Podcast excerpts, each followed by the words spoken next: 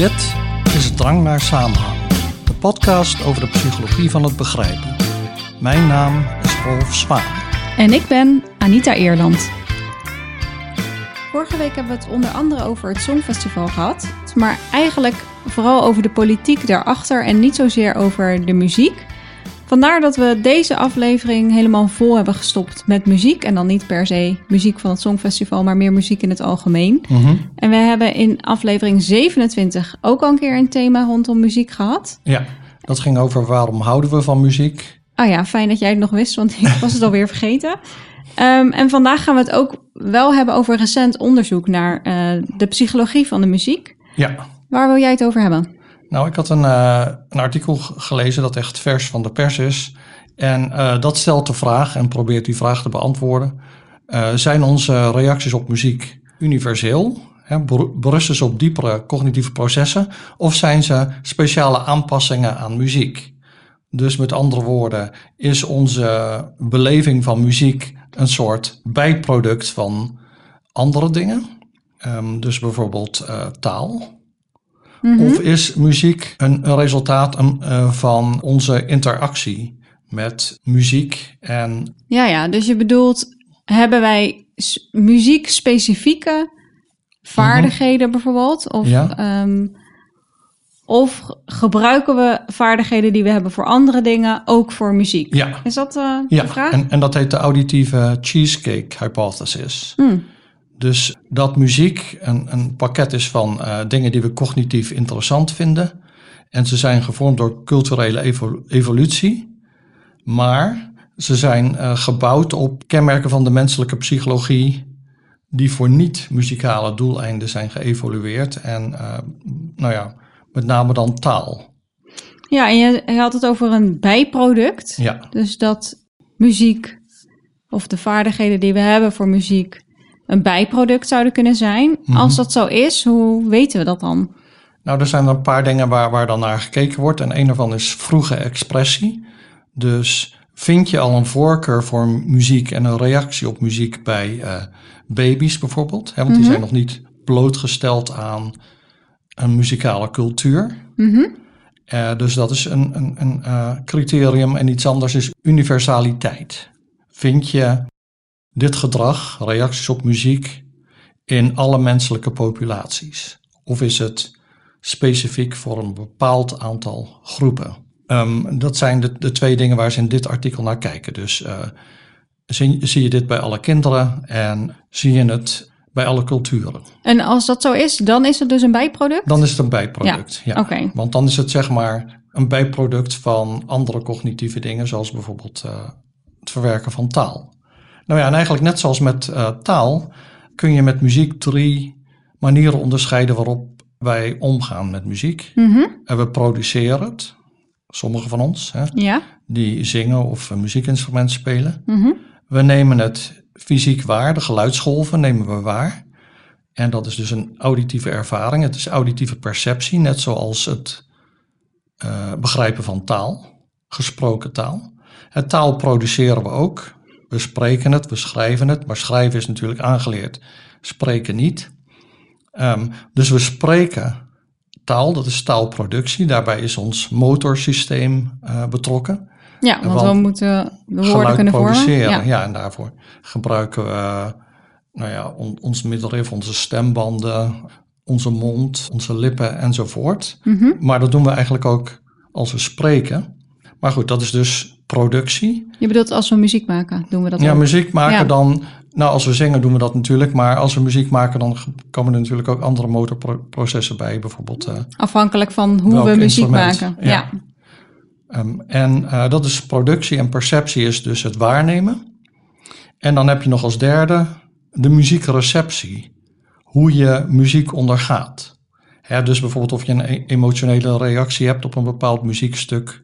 Of dat je gaat dansen. Of dat je um, een andere emotionele reactie hebt. Dat is dus de, de receptie. Mm -hmm. Dus je produceert, je, sommige mensen produceren muziek. We nemen die muziek dan fysiek waar, die geluidsgolven, en die zetten we om in bepaalde dingen zoals uh, ritme en, en, en, melodieën en harmonieën. En daarop kunnen we dan reageren en dat is dan de receptie. En dit artikel gaat eigenlijk met name om de receptie. Dus niet de productie en de perceptie, maar ik wilde er toch wel een beetje over uh, zeggen. Want dat doen zij namelijk ook. Muziek, eh, productie is universeel. Je kunt uit de historie afleiden dat we al minstens 35.000 jaar muziekinstrumenten maken. En vocale muziek wordt zelfs nog langer geproduceerd. En het feit dat dat in alle culturen gebeurt, geeft aan dat er onderliggende cognitieve processen zijn die dus, laten we zeggen, onafhankelijk zijn van muziek eigenlijk. Ja, dus we konden al bepaalde dingen en dan is muziek een, een vorm daarvan, een, een uiting of zo van bepaalde vaardigheden die we al hadden. Ja, ja. Dat, dat, is, dat is dus het idee van die cheesecake uh, ja. hypothese. Ik vind dat wel een beetje een rare naam voor een hypothese trouwens. Ik snap, ja, ik snap niet zo goed. Ik niet zelf bedacht, maar Nee, maar ik snap niet zo goed. Soms hebben mensen een naam voor een hypothese en denken, ja, dat is logisch. Maar bij deze denk ik, hoezo cheesecake? Um, dat weet ik zelf eerlijk gezegd ook niet. Nee, nou ja, daar hoeven we het ook niet over te hebben. Maar ik vind dat gewoon verwarrend, want dat maakt minder intuïtief om te begrijpen waar de hypothese over gaat. Ja, nou dat, dat is inderdaad zo. Nou ja, als je dan kijkt naar muziekperceptie, dus we hebben productie gehad, perceptie. Uh, die basisaspecten die vind je ook in allerlei culturen. Dus bijvoorbeeld mechanismen die betrokken zijn bij het uh, horen en begrijpen van muzikale toonhoogte. Mm -hmm. uh, dus het verschil tussen twee tonen, die klinkt hoger dan die. En eigenlijk zie je dan dat bij de perceptie van muziek een beetje hetzelfde gebeurt als bij het begrijpen van, van taal. Je krijgt een auditief signaal en dat deel je op in bepaalde delen. Bijvoorbeeld gesproken taal in woorden en mhm. zinnen en muzikale passages in, uh, nou ja, laten we zeggen, een bepaald ritme, een bepaalde melodie, een bepaalde volgorde van akkoorden. En die halen wij dus allemaal uit die auditieve stroom die uit, laten we zeggen, de piano komt of uit de luidspreker. En die analyseert dan ons brein, die informatie. En uh, nou ja, dan herkennen we dus bepaalde groeperingen van, van noten. En bijvoorbeeld, oké, C, E, G. Uh, ja, die noten hoef je dan niet te herkennen, maar dan, herken, dan hoor je een C-akkoord in plaats van dat je alleen maar geluidsgolven waarneemt. Nou ja, ja, je, geeft er betekenis aan. Ja, dat is perceptie. ja, ja, net zoals je betekenis geeft aan spraakklanken. Dat worden dan geen losse klanken, maar woorden en zinnen. En valt hier bijvoorbeeld ook onder dat je... Want ik ben helemaal niet thuis in uh, akkoorden. Dus ik, mhm. ik zal niet als ik wat hoor dan denken... oh, dit is uh, zus of zo'n akkoord.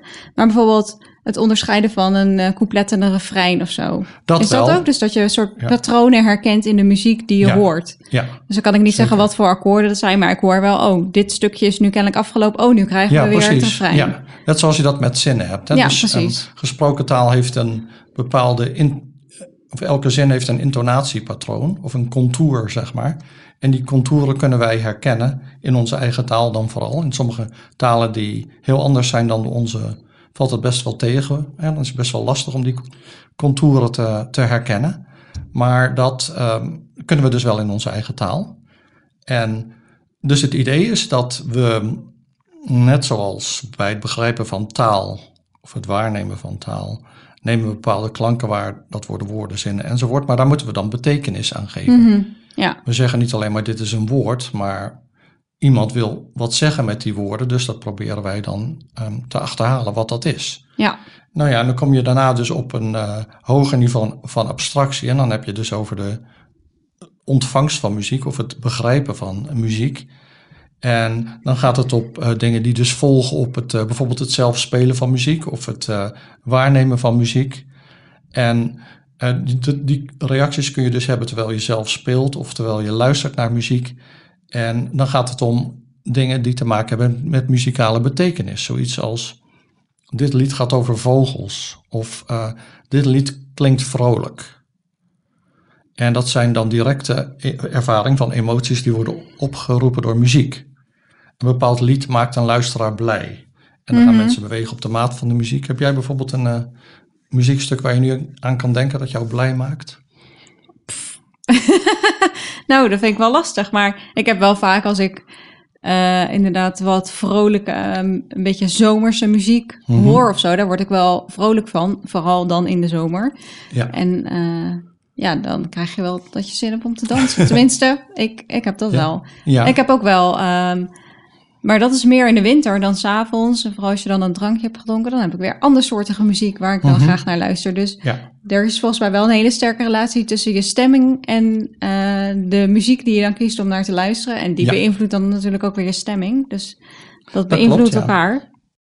Nou, dat, is, dat is inderdaad zo. En eh, ja, dat, dat heb ik dus ook. En ehm, er, zijn, er zijn dus wel bepaalde muzikale kenmerken die bepaalde stemmingen kunnen oproepen.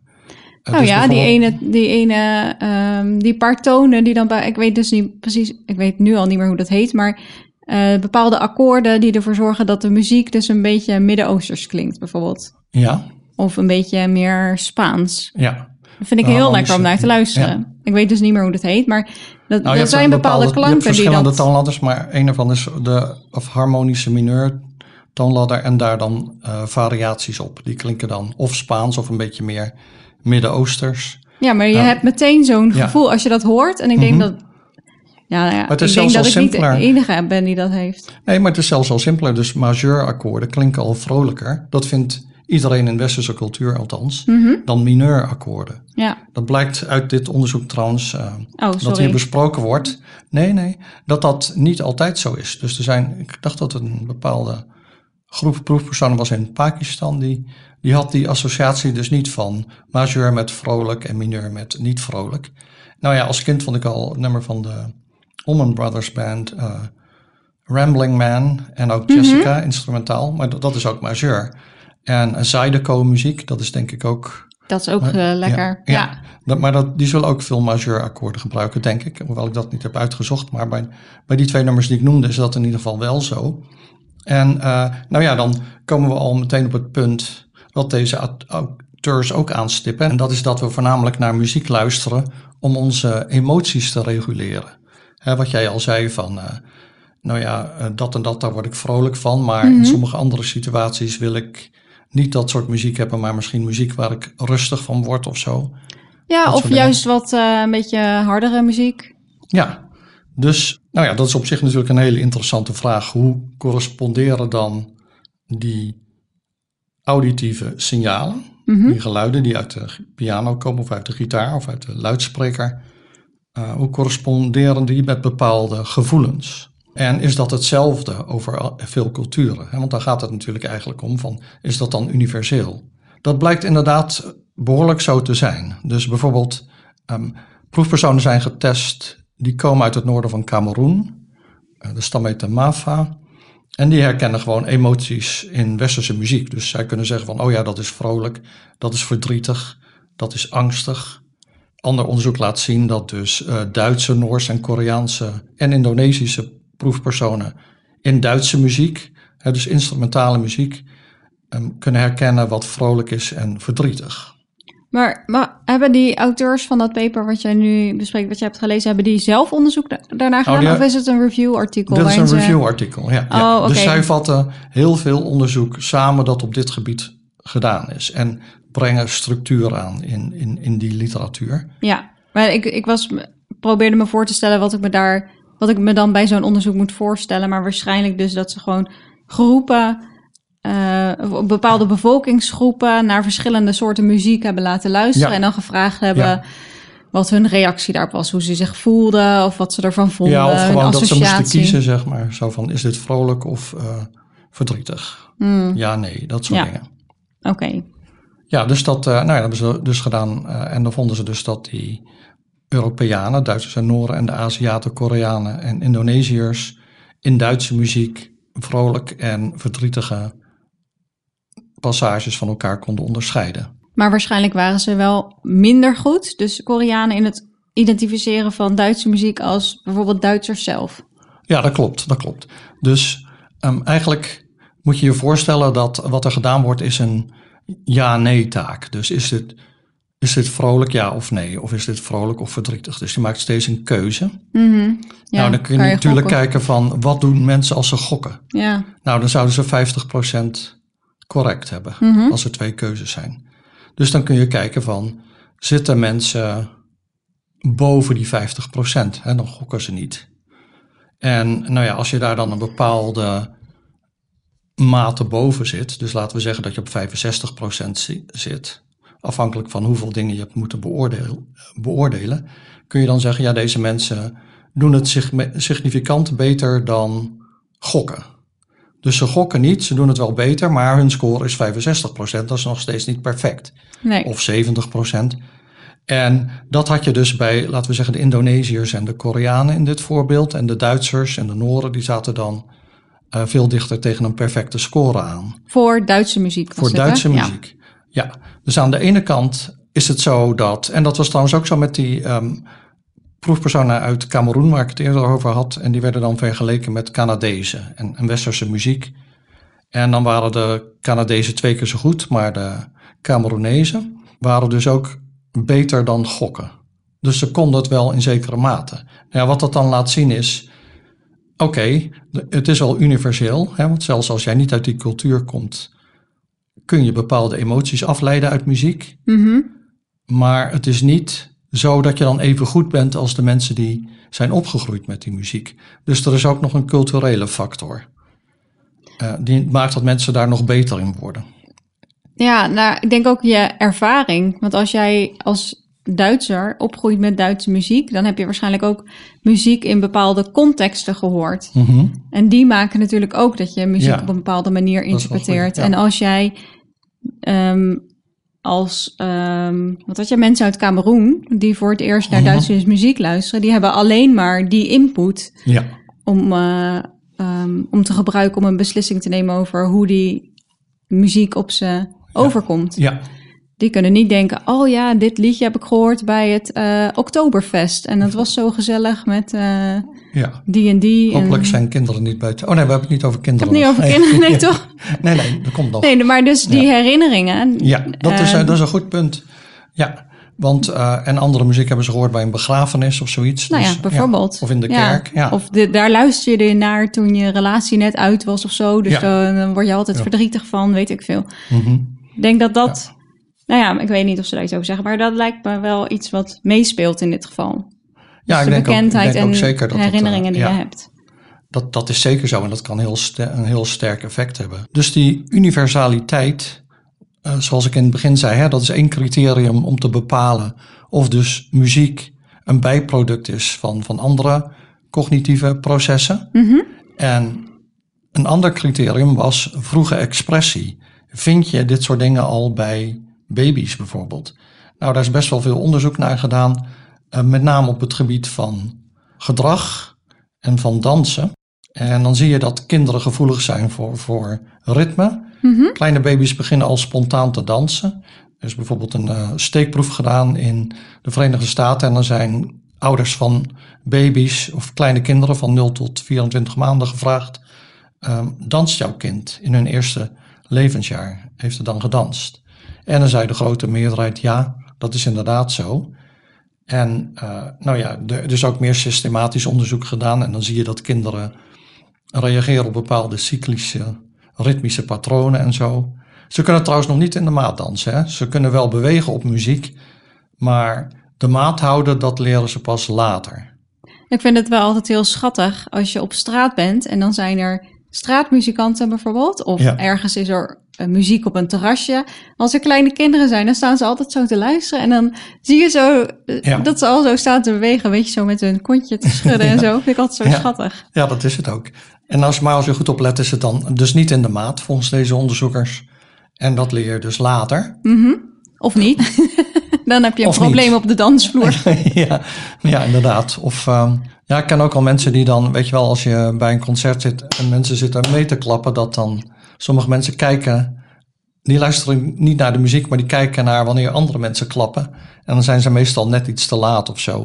Ik zag Dus- er vanmiddag nog vier op tv. Vier mannen zaten in de studio. Die moesten ook op de. Tenminste, het idee was dat ze op de maat van de muziek Hm. gingen klappen. Maar ze klapten alle drie of alle vier op een ander moment. en dat zag er echt heel knullig uit. Maar misschien waren diezelfde mannen ehm, als baby's eh, wel ook aan het bewegen. Ja, alleen Oh, ook dan niet in de maat. Ook niet in de maat. Maar dat hebben ze dus nooit geleerd. Maar goed. Nee. Maar weet je wat dus het enige dier is dat ook eh, ritmisch kan bewegen? Nee, hoe zou ik dat moeten weten? Nou, dat is de papegaai. Oh. En Dat, en, en, en daar zie je dan misschien ook wel ondersteuning voor dat idee dat dus muziek, perceptie en uh, receptie gebouwd is als het ware op cognitieve processen die we bijvoorbeeld ook gebruiken bij het uh, waarnemen en uh, interpreteren van taal. En de papegaai is ook een, een dier dat uh, taal leert, zeg maar, dat een vocabulaire leert. En um, het is zo dat um, wij altijd proberen de werkelijkheid te voorspellen. Dat hebben we al in heel veel afleveringen gezegd. Mm -hmm. En dat is dus ook zo eigenlijk met muziek en met taal. En als we het dan goed doen, dan, dan wordt het beloningssysteem in onze hersenen geactiveerd. Dus we, we, nou ja, we worden eigenlijk gestimuleerd om voorspellingen te doen. En in muziek doen we dat. Hè. We, we verwachten op een bepaald moment een bepaalde noot. Ja, Mhm. we weten misschien niet hoe die noot heet, maar we weten wel dat die nu moet komen. In feite zei jij gisteren nog volgens mij bij, was het eergisteren bij een muziekstuk, zei Ja, jij, Ik, weet het, nu, ja. nu nog eh, die noot. En inderdaad, die hadden ze denk ik met opzet weggelaten. Het was ineens Ja. afgelopen, maar ik, Ja. ik verwachtte inderdaad nog dat er één noot zou komen. En dat doet me ook denken aan muziek die ik dan wat minder leuk vind. Maar dat is heel vaak muziek die ik minder goed kan voorspellen. Dus dan gebeurt er en dan komt er ineens een stukje... wat voor mijn gevoel niet past bij wat ik net heb zitten luisteren. Ja, En- ik voel hem al aankomen. Je Nee, ik zeg over- niks, ik zeg Je gaat niks. het over Genesis hebben. Oh, ja, nou ja. Je hebt het zelf gezegd. Ik wilde het niet noemen, maar... Ja. Dan, als het allemaal van die, voor mijn gevoel, losse stukjes zijn... dan kan ik dus Ja. geen patroon herkennen. Mhm. Dan kan ik ook niet goed voorspellen wat er gaat komen, omdat het dan steeds te veel afwijkt. Ja. Dat vind ik gewoon heel onprettig. Ik kan daar niet goed Moet je naar er gewoon meer luisteren. naar luisteren, dan, dan kun je het wel voorspellen. Nou, ik heb een poging gedaan, maar ik heb het inmiddels opgegeven. het is gewoon niet mijn muziek. Nee, nou, dat, dat kan ik me voorstellen. Nou ja, wat kunnen we dus concluderen op basis van dit onderzoek, dit overzicht van de literatuur? En dat is dat mensen dus over alle culturen heen veel emotionele reacties op muziek delen. Je vindt dezelfde soort reacties op muziek, zelfs uit cul- culturen die niet jouw cultuur zijn, zeg maar. En dat suggereert dat muziek dus begrijpelijk is over de culturen heen. Daarnaast is het zo dat je ziet dat reacties op muziek al heel vroeg te, te vinden zijn in eh, de levensloop bij hele jonge kinderen. En die twee dingen, dus die universaliteit en die vroege expressie, die ondersteunen dan die cheesecake-theorie. En die zegt dat de reacties op muziek dus niet aanpassingen zijn aan muziek op zich, maar dat die eigenlijk gebouwd zijn op of voortkomen uit meer algemene cognitieve systemen. En dat idee is dus theoretisch wel aantrekkelijk, omdat het simpel is. Dus je zegt van, nou ja, als we deze cognitieve systemen hebben, die ook al gebruikt worden bij taal, dan kunnen we ook verklaren hoe mensen op muziek reageren. We hoeven dan niet uh, aan te nemen dat er nog andere systemen zijn. Dus dat is wat je eigenlijk altijd wil in de wetenschap, zo'n zo simpel mogelijke verklaring. Ja. En dat is zo ongeveer de stand van zaken zoals dit artikel uh, hem rapporteert. Oh, onbegrip van de week. Maar ik heb eigenlijk geen uh, onbegrip van de week. Ik wilde Oh. iets anders delen. Namelijk een huishoudelijke mededeling. Maar daar heb ik nog geen muziekje voor. voor deze categorie. Die hebben we ook niet zo vaak, toch? Nee. Nou ja, maar waar ik het over wilde hebben was een ideetje dat we hadden voor een aantal afleveringen in de zomer. Uh, wat we namelijk willen doen is elke keer een film bespreken die dan aansluit of een illustratie vormt van een thema uit de podcast. Nou ja, thema's die we hebben in deze podcast zijn bijvoorbeeld identiteit, geheugen, artificial intelligence, complotverhalen, sociale media, denk, denkvermogen of denken, kennis, dat soort onderwerpen. En daar kun je films bij vinden, wat we mm -hmm. ook wel in het onderwijs soms doen, die dus bepaalde, nou laten we zeggen, een, een illustratie vormen van een bepaald iets wat we nader wilden bespreken. Mm -hmm. ja, bij geheugen kun je denken aan films zoals Memento en Ja. uh, Rashomon. We hebben het over het Rashomon-effect gehad. Dat is genoemd naar, naar een film van Akira Kurosawa uit 1950. Een hele bekende film. En uh, nou ja, met uh, AI kun je bijvoorbeeld denken aan Ex Machina, maar er zijn ook nog allerlei andere. Die heb je volgens mij ook genoemd in een van de afleveringen Oh, zou over uh, artificial Ja. intelligence. Ja, En bij taal, je hebt de recente taal is ook een van de thema's. Mhm. Kun je denken aan Arrival? Ja, over taal bij, of communicatie met uh, buitenaardse wezens. Ja, precies. Nou ja, dan denk ik van dat zijn best wel leuke, uh, best wel relevante films. Maar wij zijn natuurlijk geen filmkenners eigenlijk. Hè? Geen van beide. We kijken wel naar films, maar om nu te zeggen dat we goed op de hoogte zijn van de filmgeschiedenis, dat gaat wat nee, ver. Nee, ik zou niet zeggen dat ik een uh, filmexpert ben. Nee, ik ook niet. Ja, dus we zouden het wel leuk vinden om van jullie te horen. Of jullie suggesties hebben voor films die passen bij de thema's van de podcast en die we dan van de zomer kunnen bespreken. Dan maken we een heel schema van die week komt die film en de maandag daarna bespreken we die film. Um, dat zou, zouden we heel leuk vinden. En dan gaan wij dus alle films bekijken die luisteraars uh, aanraden. Nou nee, wij moeten natuurlijk een, uh, een, selectie daaruit maken. We komen ook met onze eigen ideeën en die kunnen dan aangevuld worden. Anders zitten we de hele zomer film te kijken. Oh ja, precies. En ik wilde toch ook wel um, buiten zijn. Af, ja, dat lijkt me meestal. wel lekker. Um, ja, dus één film per week. En uh, nou, alle suggesties zijn welkom en die kunnen gestuurd worden naar drangkast.gmail.com. En drang dus D-R-A-N-G C-A-S-T at gmail.com. Dus kom maar op met die films. Ja, ik ben benieuwd. Ja, nou ja, dan gaan we nu weer terug naar de muziek dus. Van film uh, naar muziek trouwens. Filmmuziek vind ik ook super, superleuk. Ja.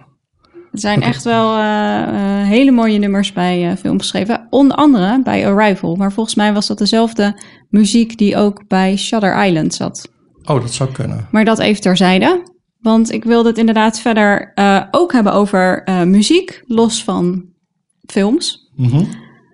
um, ik heb ook namelijk een aantal recente artikelen gelezen over uh, muziek. En dan, mm -hmm. nou ja, jij had een heel mooi overkoepelend artikel van wat weten we nu over de psychologie van muziek en wat weten we over ons vermogen om muziek te verwerken en op muziek te reageren. Ja.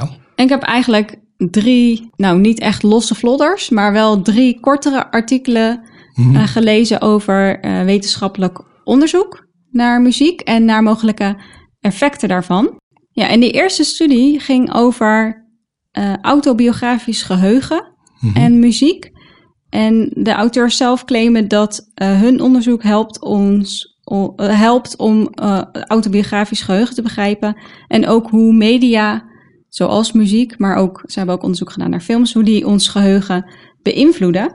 Ja. En ze zeggen, ja, we hebben eigenlijk allemaal wel dat we, uh, als we een liedje horen, dat dat bepaalde positieve herinneringen oproept. Ja. Ik had, toen jij uh, jouw artikel aan het bespreken was, toen zei ik al van, dat Duitsers dan misschien bij een bepaald nummer denken, oh ja, toen was ik op Oktoberfest. Nou, dat, Ja. ik neem aan dat dat dan een positieve herinnering is. Weet ik Of- niet of zeker, geen maar herinnering als, eh, geen herinnering. Dat is misschien meer waarschijnlijk. Ehm, nou, onderzoekers in Kansas hebben gekeken naar eh, herinneringen aan muziek. En zij waren vooral benieuwd naar of we nu meer of positievere herinneringen hebben aan muziek van langer geleden dan aan meer recente muziek. Oh, En ook dus dat dat meer positieve gevoelens oproept.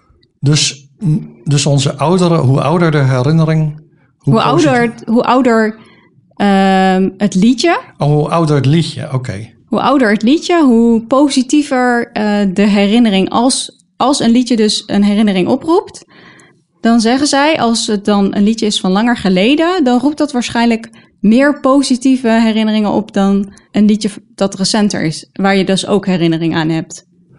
Oké, ik snap het nog niet helemaal. Dus hebben we het nu over de oorsprong van het liedje? Want ik kan me voorstellen dat je bijvoorbeeld, laten we zeggen...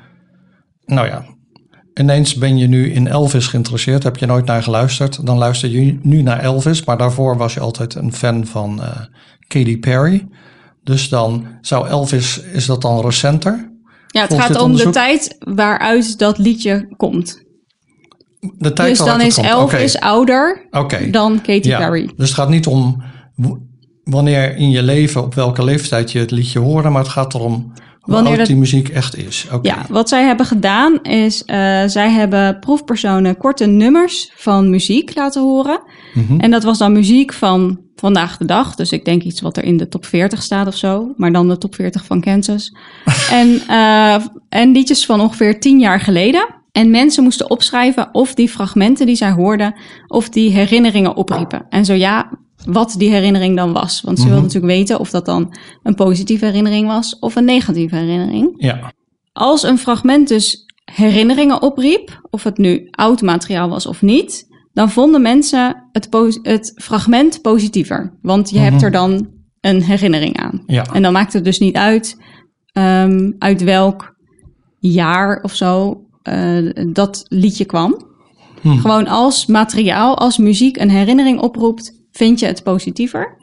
Ehm, en, maar over het algemeen was het wel zo dat ouder materiaal tot meer herinnering leidde. En dan, dat lijkt me op zich ook logisch, want dat bestaat dan al langer. Dus de kans dat je daar vaker naar hebt geluisterd Mhm. is groter. Ja. Dan heb je ook meer kans gehad om herinneringen aan te maken. Ja. Toch? Lijkt me, lijkt me logisch. Mhm. Dus zij zeggen, er is een sterke link tussen muziek Mhm. en ons autobiografisch geheugen en media beïnvloeden ons geheugen. Ja. Dat is wat zij. eh, ja, ja. En dus autobiografisch geheugen is dus eh, voor de duidelijkheid. je eigen Je- herinneringen aan eigen Ja, ja, ja. gebeurtenissen. Ja, precies. Gebeurtenissen die je zelf hebt meegemaakt. Ja. Nou, vond ik op zich wel grappig, omdat ehm, wij het ook wel vaker hebben gehad over dat je films van vroeger of muziek van vroeger Mhm. leuker vindt. Ja, over het algemeen Wel, is dat volgens zo. mij. Ja. Nou ja, de- Maar- die intuïtie hadden deze onderzoekers dus ook. En zij dachten dus, nou laten we eens kijken Mhm. of het inderdaad zo is dat mensen oudere muziek aan oudere films leuker vinden. En komt dat dan door de herinneringen die ze daaraan hebben? Maar ze hebben dus niet gekeken naar de aard van de muziek zelf. Dus bijvoorbeeld, eh, er zijn ook analyses die laten zien dat de muziek, popmuziek van nu, veel simpeler en minder creatief is dan bijvoorbeeld uit de jaren 60 Mhm. of begin jaren 70. Er worden veel minder akkoorden gebruikt, veel minder ongebruikelijke akkoordenvariaties, zoals de Beatles dat bijvoorbeeld wel hadden. En eh, dus daar zou, zou je dan ook toch naar moeten kijken. Daar zou je dan toch rekening mee moeten houden, of niet? Kan zo Je zijn. zegt dus, er zijn. Oudere muziek is misschien intrinsiek beter, oudere popmuziek. Ik dacht al dat je dat zou gaan zeggen. Nou ja, maar ik bedoel, daar, daar kun je wel, dat kun je wel objectief niet, kun je niet aantonen dat het beter is, maar je kunt wel aantonen dat het complexer was Mhm. en minder voorspelbaar. Ja, dat, kijk, nu hebben ze alleen maar muziekfragmenten genomen van nu en van ongeveer tien jaar geleden. Oh ja, Eh, en je zou dan inderdaad verschillende eh, jaren kunnen pakken. Dus je zou kunnen zeggen, doen we ook 20 jaar geleden, Ja. 30 jaar geleden. En dan zou je misschien eerst een pilotstudie moeten doen waarbij je die, waar je een hele hoop fragmenten geeft aan mensen. Mhm. Om te laten beoordelen hoe goed ze dat vonden of zo. Misschien dan wel muzikanten. ja. Ik weet het niet. Maar het is wel moeilijk, want je krijgt natuurlijk nooit een objectief Nee, oordeel. En we hebben het al vaker gehad over emoties ook. Of muziek is ook emotie. ja, Dat kun je niet loszien van elkaar. nee. Dus hoe kun je objectief bepalen of muziek uit een bepaalde tijd beter was? Dat kun je niet bepalen. Nee. Je kunt alleen maar bepalen of het complexer was of eh Ja, maar inventiever, maar dat hoeft niet te zijn beter. nee. Want als het te complex is, dan, dan kan ik het dus niet voorspellen. Vind ik Nee. het in ieder geval niet eh, beter. Nee. Ehm, maar goed, dus dat was eh, één studie. Daarna heb ik, daarnaast heb ik nog ehm, twee studies over effecten van muziek Mhm. eh, gelezen. Eentje vond ik wel interessant. Dat ging over eh cyber sickness. Ik weet niet of jij weet wat dat is. Mm, Nee, nou ja, het zal iets zijn van dat je te veel op je computer zit en dan misselijk wordt of zo. Van, Ja, dat is het ook. oh, Het is een, een, hoe word je dan misselijk? een nieuw soort aandoening. ehm, waarbij mensen een soort van wagenziekte, volgens mij noemen wij in het Nederlands dat wagenziekte niet reisziekte, maar dat je dus misselijk wordt Ja. door eh, te veel computerspelletjes spelen. En dan met name als je iets doet met virtual reality. Oh, oké. Oké, daar had ik niet eens aan gedacht. Ja, virtual, dat snap ik wel, ja. Want dan zit je in een andere wereld met... eh, Ja, daar beweegt ook van alles. beweegt van En, alles. En dat correspondeert niet met hoe jouw lichaam in werkelijkheid beweegt. Of wat je eigenlijk om je heen ziet als je die bril afzet of zo. Ja, Ja. Ik, ik moet zeggen, ik heb zelf eigenlijk geen ervaring met virtual reality. Maar je kan daar dus kennelijk heel erg misselijk van worden. En echt Hmm. zo'n gevoel krijgen wat je ook hebt als je wagenziek bent. En daar heb ik helaas wel ervaring mee. Dat is echt Ja. heel eh, onprettig. Ehm, onderzoekers uit Edinburgh die hebben eh, mensen verschillende ritjes laten maken in een virtuele achtbaan. Mhm. Om ehm, dus die eh cybersickness uit te lokken. Eh, en twee van die drie ritjes ehm, was met elektronische muziek. Die Ja. in een eerdere studie ehm, eerder rustgevend of vrolijk werd gevonden. En dan was het Mhm. muziek zonder tekst. Dus alleen maar... eh, Instrumentaal. ja, precies. Dus, dus we moesten drie ritjes doen, die proefpersonen, in zo'n achtbaan. Twee met muziek en eentje zonder muziek. En dan de volgorde waarin ze de, de ritjes met of zonder muziek maakten, dat wisselde dus heel erg. Dus het was nooit zo dat het eerste ritje zonder muziek was en daarna altijd met, of, of andersom. Mhm. Dat wisselde tussen de proefpersonen. Ehm, en nou ja, nu is het dus zo, en na elk ritje moesten dan mensen aangeven hoe misselijk ze zich voelden. Maar ze moesten ook bepaalde taken doen van het werkgeheugen, omdat die cybersickness er kennelijk voor zorgt dat je minder goed, nou, dat je werkgeheugen minder goed werkt en dat je reactiesnelheid ook afneemt. Mhm. Nou, dat bleek inderdaad zo te zijn dat als mensen na een ritje misselijker of ja, misselijker werden of meer die cybersickness rapporteerden, dat ze dan inderdaad minder goed geheugentaken konden doen, eh, minder snel reageerden en ook minder snel konden lezen. Mhm. Ehm, maar er was dus een interessant effect van die muziek. Als ze een ritje hadden gedaan met muziek, dan zorgde dat voor minder cybersickness. Oh, en hoe... En het zo- zorgde ook voor eh, ehm, nou, dat die effecten de, op het geheugen en leessnelheid en reactietijden, dat die ook verminderden. Maar mm, is dat gewoon een toevallige bevinding? Of is het zo dat mensen een bepaalde theorie hadden of een hypothese dat muziek daarbij zou helpen? Nou, een heel duidelijke theorie kon ik niet echt vinden in dat paper. Ehm, de onderzoekers zeggen dat uit eerder onderzoek was gebleken dat als mensen misselijk waren, dat muziek, en dan vooral ontspannende muziek, dat dat kan helpen om de Mhm. symptomen tegen te gaan. En ik denk dan eigenlijk dat zij dachten, ja, je kunt ook misselijk worden van virtu- virtual reality. Dus misschien helpt muziek dan ook als je misselijk wordt van virtual reality. En dat is wat zij hebben onderzocht. Ja, ja. En het enige wat zij verder zeggen is, want ze hadden dus rustgevende muziek en muziek die vrolijk wordt gevonden. Mhm. En dat rustgevende muziek dan kan zorgen voor ontspanning. Ja, Dus misschien dat je dan, als je lichaam meer ontspannen is, dat je dan minder snel misselijk wordt. En ehm, die meer vrolijke muziek kan dan zorgen voor afleiding. Ja, ja. En ik kan me wel voorstellen dat als je iets hebt wat jou misschien een beetje wegtrekt uit die virtuele wereld, Mhm. dat je er minder in opgaat en dat je dan dus ook misschien minder last hebt van die misselijkheid. ja, ja. Maar zo iemand die dus eigenlijk, nou ja, immersion wil, die wil opgaan in die Mhm. virtuele wereld, die wil dus eigenlijk liever niet die muziek horen dan als die muziek Je eruit dat- haalt. Ja, ja. je- ja. Dat denk ik ook. En nu je kan je natuurlijk je aandacht ook wel zo richten Mhm. dat je wel helemaal opgaat in muziek. Want we hebben zelf ook wel eens als je iets zit te kijken op tv of je gaat op in een boek, Mhm. dat je niet merkt wat er om je heen gebeurt. Nee, Dan zou dat natuurlijk niet helpen. nee. Uh, maar dat, ja, zover hebben ze dat volgens mij niet uh, getest. Want dan zou je eigenlijk moeten kijken of mensen die muziek wel voldoende verwerkt hebben. Het was ook een studie met nog maar iets van 30 proefpersonen of zo. Dus Oh, ja. niet een hele grote sample. Maar ik vond het wel interessant omdat, nou ja, die virtual reality en die cybersickness is een heel nieuw fenomeen. En Ja. dat ze dan kijken of muziek positieve effecten kan hebben op die cybersickness. Mhm. Nou, als je nou uh, te oud bent voor uh, virtual reality of je te oud voelt om uh, videogames te gaan spelen. Uh, en als je dus geen last hebt zelf van cybersickness, dan kan muziek ook nog op een andere manier, op een ander vlak, voor positieve effecten zorgen.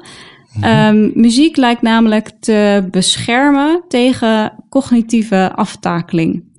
Dus wanneer, we ouder worden, gaan we op een bepaald moment allemaal cognitief gezien achteruit. En dan met name uh, ons geheugen, ook weer ons werkgeheugen. Um, en het zou natuurlijk fijn zijn als we dat proces wat konden vertragen. En een team onderzoekers van de Universiteit in uh, Genève heeft bekeken of muziek daar een rol in zou kunnen spelen. Zij hebben um, 132 gepensioneerden, allemaal in de leeftijd van 62 tot 78 jaar. Die hebben zij gevolgd. Mm -hmm. Het waren allemaal mensen die nooit langer dan zes maanden in hun leven muziekles hadden gehad. En dat was belangrijk omdat ze natuurlijk wilden kijken of muziek kon beschermen. En Ja. als je ooit al iets met muziek hebt gedaan, dan kunnen daar nog sporen van in je brein te vinden zijn. En dan nou ja, is het niet helemaal een eerlijke vergelijking natuurlijk. Dus nou, allemaal mensen die nog nooit eerder iets met muziek hadden gedaan. Ehm, en die mensen kregen zes maanden lang pianoles. Mhm. Of ze kregen een training over muziek. Dus dan kregen ze een soort van theorieles over eh, hoe kun je instrumenten herkennen. Dus wat voor soorten instrumenten.